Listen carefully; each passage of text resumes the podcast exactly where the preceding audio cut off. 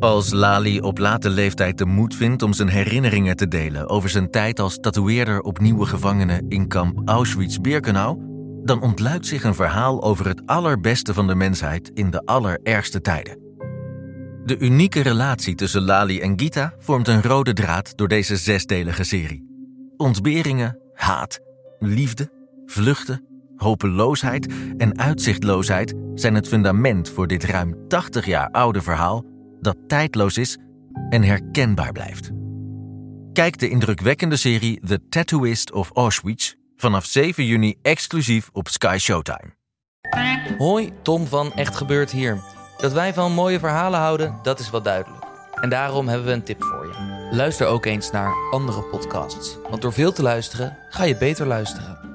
Luister bijvoorbeeld eens naar Villa Betty over het echt gebeurde verhaal rondom het duurste huis van Amsterdam. Je beluistert de podcast op Podimo, waar exclusieve podcasts en luisterboeken worden verzameld. Jij kan nu tot 14 juli 30 dagen gratis luisteren via www.podimo.nl/slash luisterbeter.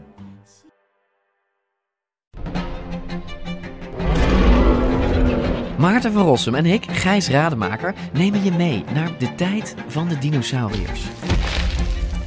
Ja, jij vindt het gemene beesten Ik vind het gewoon eigenlijk. gemene beesten. Ja, Kijk, kijk naar ze. Beesten zijn niet gemeen. We zijn het eigenlijk nooit eens. Maar T-Rex is toch veel sexier. Nee, ik vind een kakkelak net zo sexy als T-Rex. Ja, ik zie dat je daar moeite mee hebt. Voor iedereen die vroeger al van dino's hield en nu nog steeds een beetje, luister naar DinoCast.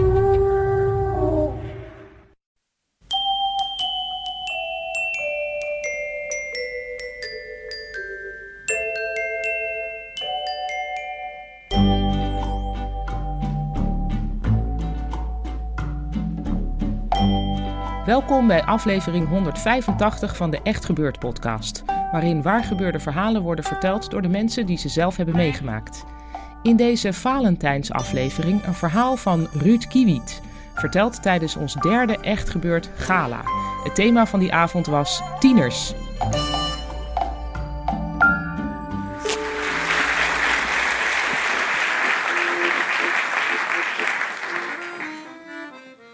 Ik wil jullie graag meenemen naar Pavel. Ik ben eh 11 jaar, ik zit in groep 7 en ik kom erachter dat ik niet populair ben. We hebben een nieuw soort eh, verjaardagsfeestje. In de plaats van lasergamen of, eh, of karten gingen we op dat moment gingen wij eh vuiven houden. Dat wil zeggen, je gaat met z'n allen in een, schuur zitten en je drinkt aan je colaatje, je hebt een DJ. En die DJ die speelt dan altijd een bepaalde soort muziek waarbij je dan de eh, kusjesdans doet. De kusjesdans is een cirkel waarin we staan. En in die cirkel eh, mag je in het midden staan, als je populair bent dan. En eh, dan mag je naar een meisje of een jongen, afhankelijk van je geslacht, lopen. En ehm, mag je die vragen om een kus. Als je geluk hebt, kan je een kus op de mond krijgen of op de wang. Als je pech hebt, kreeg je een hand. Ja, ik heb ehm, in groep 7 geen één keer in die kring gestaan. En ik dacht in groep 8, ik ga het toch wel even anders doen. Want ik wilde eigenlijk met het allermooiste meisje van de klas, dat was Joyce. Die was, die was een beetje donkere haren, exotisch. En ik denk, nou, daar, ben- daar wil ik wel heel graag mee kussen. Maar ja, ik was niet populair, dus ik denk, groep 8, 12 jaar, ik neem een vriendin. Ik had een, eh, ik had een meisje bij mij op de voetbal zitten met wie ik het goed kon vinden. En die had een eh, vriendin en die, eh, die was heel, altijd heel aardig tegen mij, heel lief. Ze had leuke sproetjes, blauwe ogen, blonde haar. Nou, ik denk, dan kan ik die wel nemen als vriendin. Dus ik ben naar haar toe gegaan. Ik heb gevraagd, wil jij mijn vriendin worden? Zij zei gelukkig ja. En op dat moment had ik een relatie. Wat ik niet wist, was dat dat eh, wel een bepaalde verantwoordelijkheid met zich meenam. Want ehm, op het schoolfeest, eh, ergens begin van het schooljaar, kreeg ik te horen... ehm, Ruud, je hebt nu een relatie. Het wordt tijd dat jij dan ook gaat tongen. Want wij zijn heel erg nieuwsgierig hoe dat is. Dus de drie grote jongens uit de klas, die altijd in het midden van die cirkel stonden... die kwamen dat vragen aan mij van... kan je alsjeblieft gaan tongen met Tim? Eh, met Kim, sorry. Ehm, grote jongens. Dus ik, eh, ja, natuurlijk. Dat, dat ga ik doen. Ik eh, kwam er al rap achter dat het eerstvolgende schoolfeest... eh, dat zou bij Jeroen zijn en dat zou over drie weken zijn. Ik kwam er ook al snel achter dat ik niet de enige was aan wie ze het hadden gevraagd. Ze hadden het aan twee anderen die dezelfde tactiek hadden toegepast ook gevraagd. Dus wij zouden met zes man zouden wij gaan zoenen. Ja. Ik wist niet wat ik moest doen. Ik was eigenlijk al lang blij dat ik eh, een kus kreeg van iemand anders dan mijn moeder. Dus eh, ik wist niet. Eh, ik had drie weken, dus ik wist wel dat ik een deadline had. Dus ik ging in mijn hoofd af, wie kan ik dan het beste vragen? Zodoende kwam ik uit bij mijn 2,5 jaar oudere broer. mijn broer die was in de tweede klas middelbaar al. ik had hem wel eens horen praten over meisjes. Ik wist ook dat hij populair was, want hij, hij keepte op dat moment bij Willem II. Dus hij sportte veel en hij zag er goed uit. En ik had ook een goede band met mijn broer, dus ik ga op een avond, uh, hij zit zijn, uh, zijn huiswerk te maken, ga ik naar zijn uh, kamer toe, volledig vol met Ajax-posters, ga ik op zijn Ajax-dekbed zitten. En ik vraag hem, terwijl hij huiswerk aan het maken is, ik vraag hem, Bob, um, hoe moet je eigenlijk tongen? hij legt zijn pen neer, hij draait zich naar mij toe. En hij zegt, nou ja, er zijn een hele hoop dingen die je eigenlijk niet moet doen. En er zijn eigenlijk een paar stappen die je wel moet doen. Eerst wat je moet doen, je moet een uh, kauwgompje eten van tevoren. En daarna, dan, als je dan bij die meid bent, dan moet je die meid moet je, die handen op de heupen leggen. En op het moment dat je dan bijna gaat zoenen, doe je ogen dicht, kantel je hoofd. Op het moment dat je lippen bijna de haren raken, stop je. Je stopt, want dan geef je haar de kans om jou te zoenen. Want als ze niet met jou wil zoenen, dan kan ze dan nog weggaan. Wil ze wel met jou zoenen, dan is dat het moment. Op het moment dat jullie lippen elkaar raken, dan is het uh, langzaam je lippen open doen.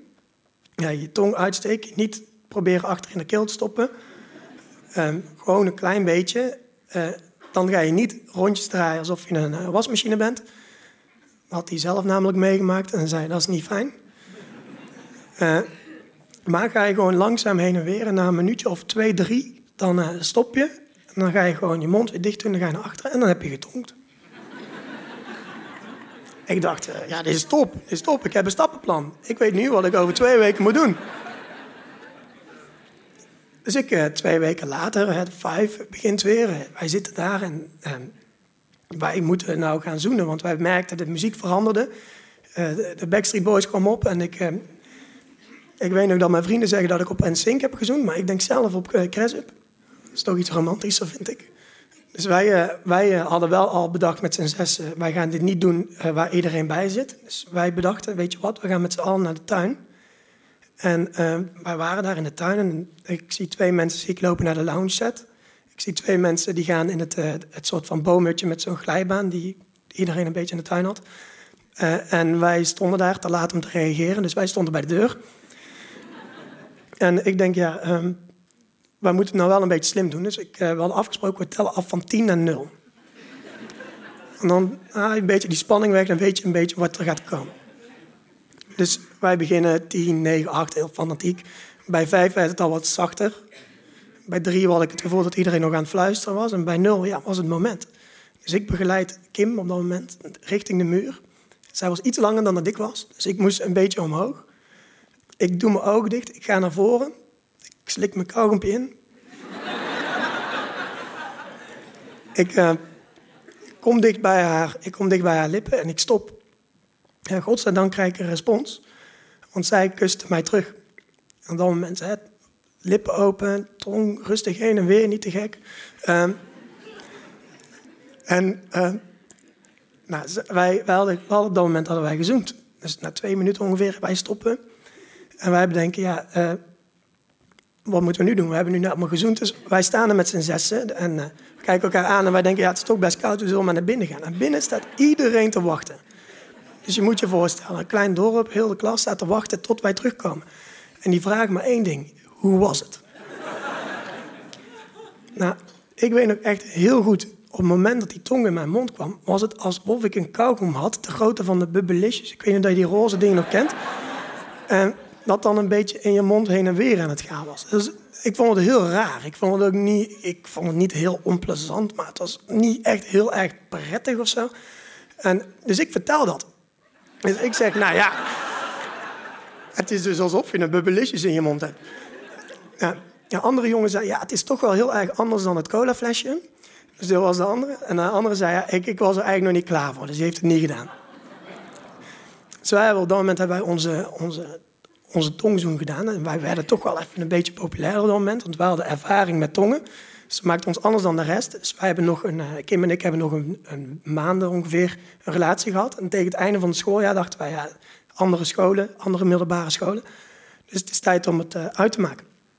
Dus op dat moment hebben wij het uitgemaakt. Maar toen dacht ik, ja, het is eigenlijk wel een mooi moment om nou te proberen bij Joyce. Want ja, ik heb een ervaring rijker dan de rest van de klas. En, ik ben misschien niet de populairste, maar ik had de afgelopen keren wel iedere keer een meid die mij een kusje gaf op de kusjeskring. Dus ik denk, ik ga het gewoon proberen. Dus er komt inderdaad weer mooie muziek op. En ik denk, ik ga er gewoon naartoe. Dus ik stap af op Joyce. Mijn uh, stoute schoenen aangedaan en ik vraag aan Joyce, Joyce, wil je met mij zoenen? En Joyce zegt keihard nee. Dankjewel.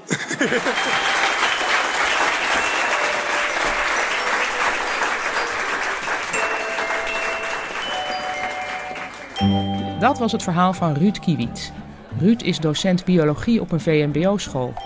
Toen we hem vroegen wat hij verder in de afkondiging vermeld wilde hebben, mailde hij dat hij vervent luisteraar van deze podcast is en er heel veel plezier in had om nu zelf een verhaal te vertellen. Hij moedigt jullie allemaal aan om dat ook te doen, zodat hij als luisteraar weer naar jullie verhaal kan luisteren. Dus heb jij een goed verhaal dat iets te maken heeft met onze komende thema's, en ik noem ze even: bij mij in de straat, 17 maart, een goede daad, 21 april, dieren, 19 mei. Neem dan contact met ons op via onze website en dat is www.echtgebeurd.net, niet.nl. De redactie van Echt Gebeurd bestaat uit Micha Wertheim, Rosa van Toledo, Maarten Westerveen en mijzelf, Paulien Cornelissen. Productie Eva Zwaving, zaaltechniek Jochem Vrijland, podcast Gijsbert van der Wal. Dit was aflevering 185. Tot volgende week. En als je eenzaam bent met Valentijn, koop dan eens bubbelisjes voor jezelf. Dat voelt bijna hetzelfde als een zoen.